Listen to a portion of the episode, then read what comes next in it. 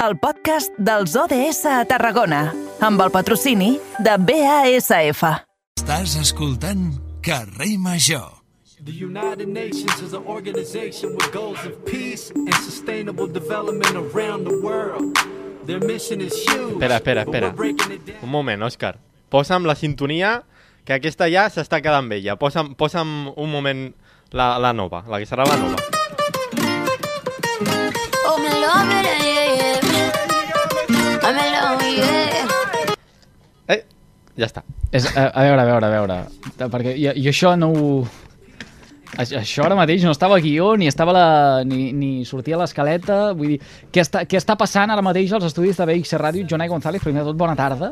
Bona tarda, Edu. Eh, dic seriosament que no en tenia ni idea, eh, de... Uh, què, què ha passat aquí? Bueno, és només eh, un, una prèvia del que, del que vindrà demà. Ja està. Del només, que vindrà només demà? Això. Sí, només és això. Mm, val, val, val. Vol, dir que de, vol dir que demà es compleix el repte corresponent al mes de novembre, eh? també Sí, sí, sí. He, de, he de dir. Però vaja, com que és repte majúscul, que és que de, demà cantareu en directe. Sí, correcte, ja I, tenim... I, per tant, la, la sintonia de la secció canviarà. Sí, bueno, potser donem molt el cante, mai millor dit, i no, i no ens agrada, però ja veurem. Uh, D'acord, d'acord, d'acord, està bé, està bé. Escolta, uh, això serà uh, demà, ja, vull dir, ja, ja, ja arribarà el moment. Centrem-nos en aquesta agenda 2030 de les Nacions Unides, uh, ho hem explicat en moltes ocasions, un dels pilars d'aquesta temporada fa referència als objectius de desenvolupament sostenible. Volem contribuir nosaltres també a través de les sintonies locals del eh, territori a, a fer aquest canvi de consciència que ens ha d'ajudar a aconseguir aquests 17 ODS que hi ha plantejats i que, vaja, no sé jo si, si, si serem a temps del 2030 de- d'assolir-los. En tot cas, hi posarem moltes ganes des de Carrer Major. Avui de què parlem?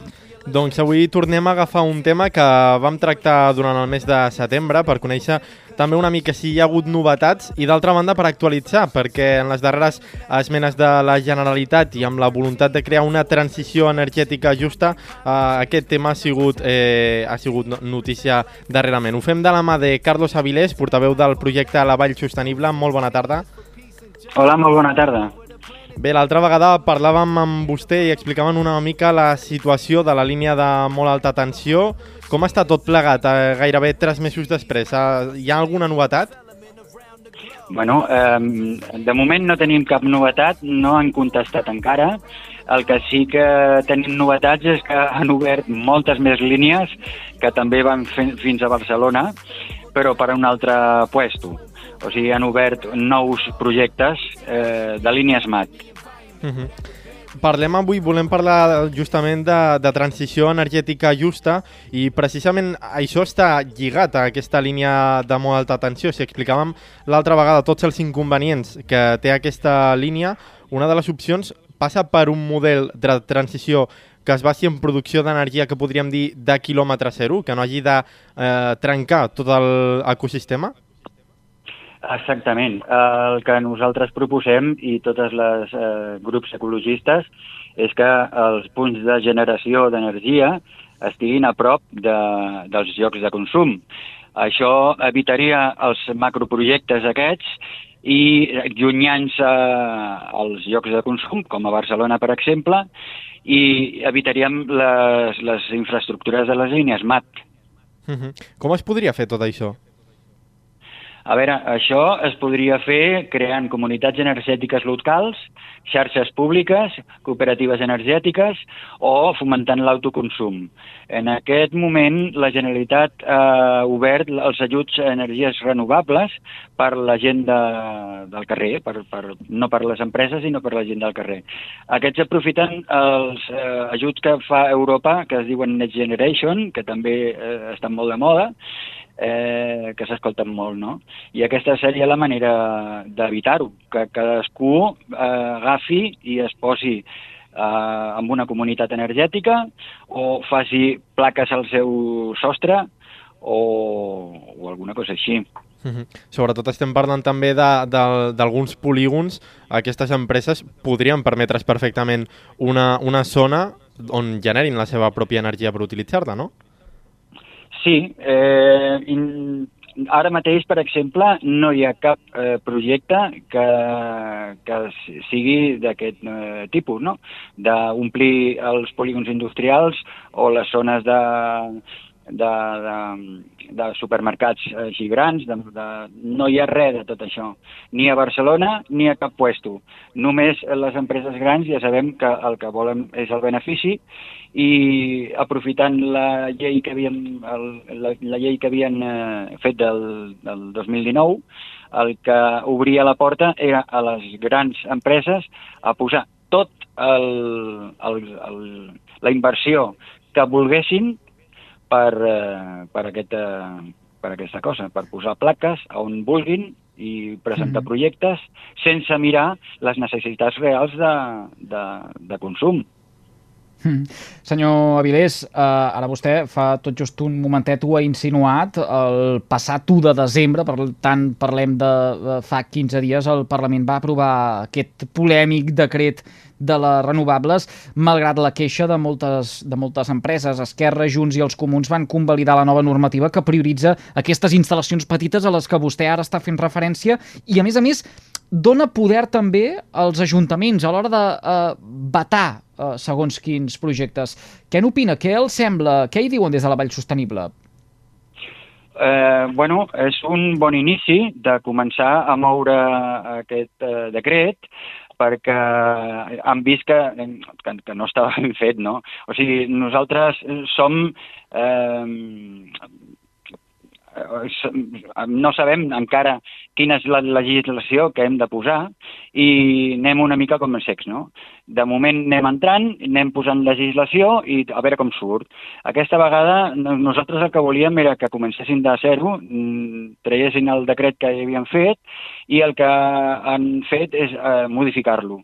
Modificar-lo d'alguna manera de que la gent i els ajuntaments puguin dir la seva, però també deixa la porta oberta a que si no hi ha un acord final es pot tirar endavant.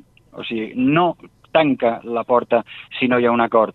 Per exemple, diuen que hi ha un percentatge de l'empresa que vulgui posar unes plaques eh, a algun puesto que la gent pot eh, accedir a ser eh, o sigui, un, un soci, no? Eh, i, I donen un 20%, em sembla que era, de persones que podríem agafar això. Però, si no hi ha un acord, l'empresa, doncs clar, com no ha pogut fer res, doncs podria arribar a tirar endavant tots aquests projectes sense el consens ni sense tindre totes eh, les, les opcions que donen ara. O sigui que també és incomplert aquest, eh, aquest decret nou. Mhm. Què s'hauria de fer per, per, per completar-ho, perquè sigui totalment sostenible, per així dir-ho?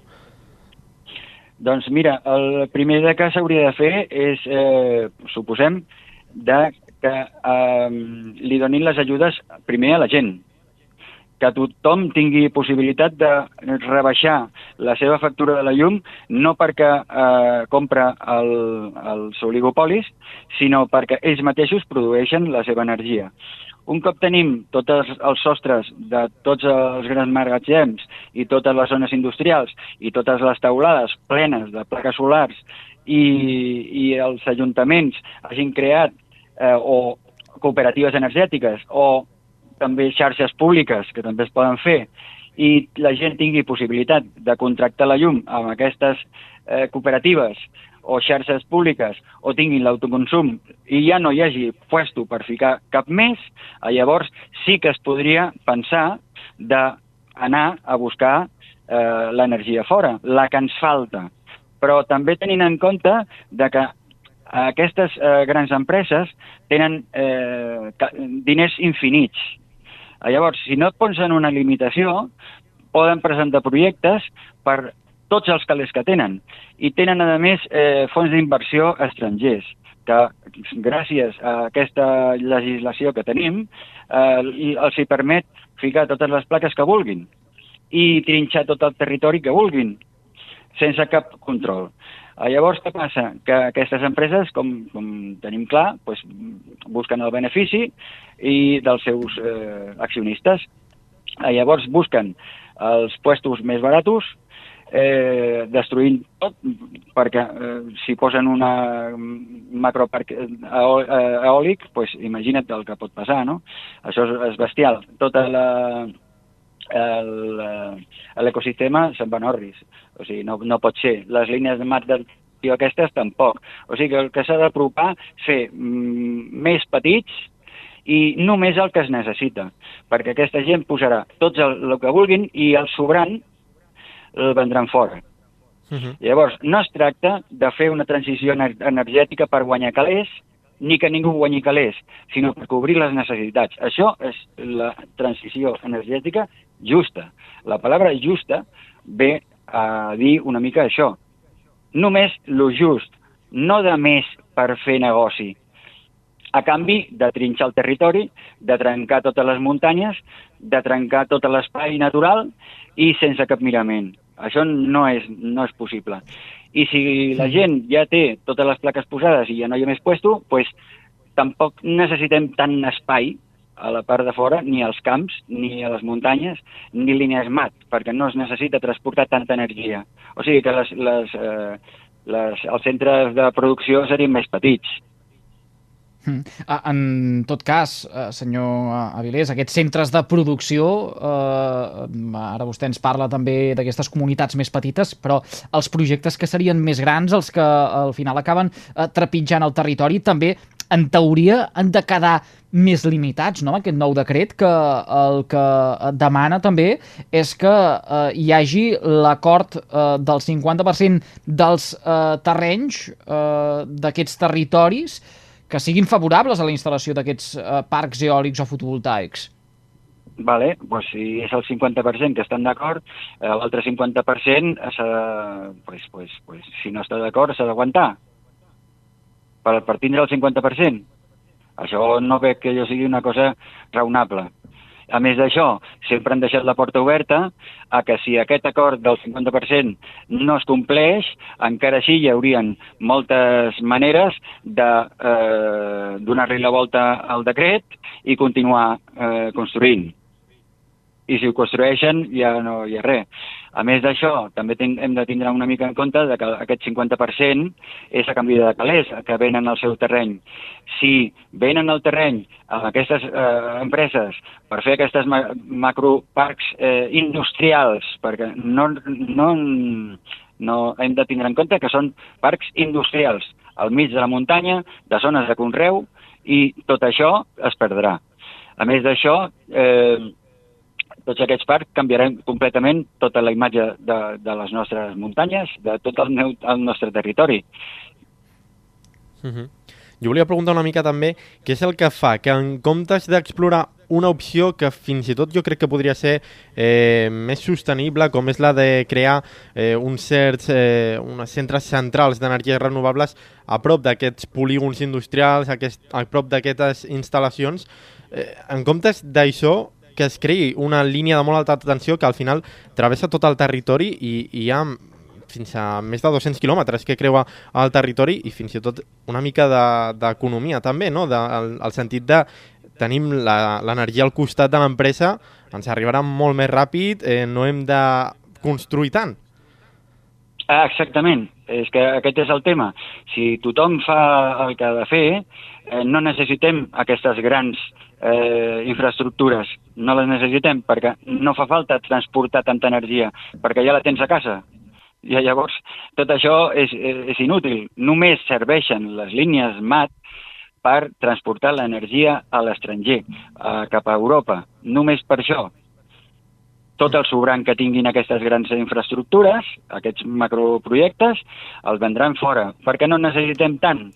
I si encara posem els sostres i fem autoconsum i fem aquesta, eh, això de la, eh, de les cooperatives energètiques més petitetes i tota la història, doncs eh, no té lògica que fem una gran infraestructura, perquè no la necessitem, i les línies MAT tampoc, perquè ja les tenim al costat. Si tu tens una, una, un, un lloc de generació al costat de, de casa, no necessites una, un, un cable tan gros, perquè està aquí al costat. Els cables grossos són per transportar-la a molta distància, i llavors eh, sí que necessites les línies MAT. O sigui que ja ha d'haver un canvi de model per poder fer una transició justa, que la paraula clau és justa. I, i a més d'això, falta una altra paraula que també a Europa sí que la diuen, però aquí no, que és inclusiva. Inclusiva vol dir que tota aquesta transició, totes les persones puguin dir que han fet alguna per aconseguir-la. Totes les persones. Amb, baixant el consum de la, de la, de la seva factura, eh, consumint menys, apagant les llum quan no les necessites, etc etc. perquè aquí hem de tindre en compte que tothom hem de fer alguna cosa. Eh, tothom. Mm. Està clar que eh, estem davant d'una qüestió que genera moltes discrepàncies, sense anar més lluny. Eh, per acabar, eh, apunto una cosa, que és que eh, les principals organitzacions empresarials catalanes eh, eh, insten a rectificar la, la norma, eh? Foment el Treball, PIMEC i la Cambra de Comerç de, de Catalunya. En fi, eh, qüestió que segurament ens portarà a parlar encara en moltes altres ocasions, eh, sigui en aquest espai dels objectius de desenvolupament sostenible o d'altres, perquè al final ens afecten eh, com a ciutadans i com a territori. Li agraïm moltíssim a Carlos Avilés, que és portaveu del projecte La Vall Sostenible, que un cop més hagi acceptat la trucada del carrer Major. Senyor Vilés, que vagi molt bé, bona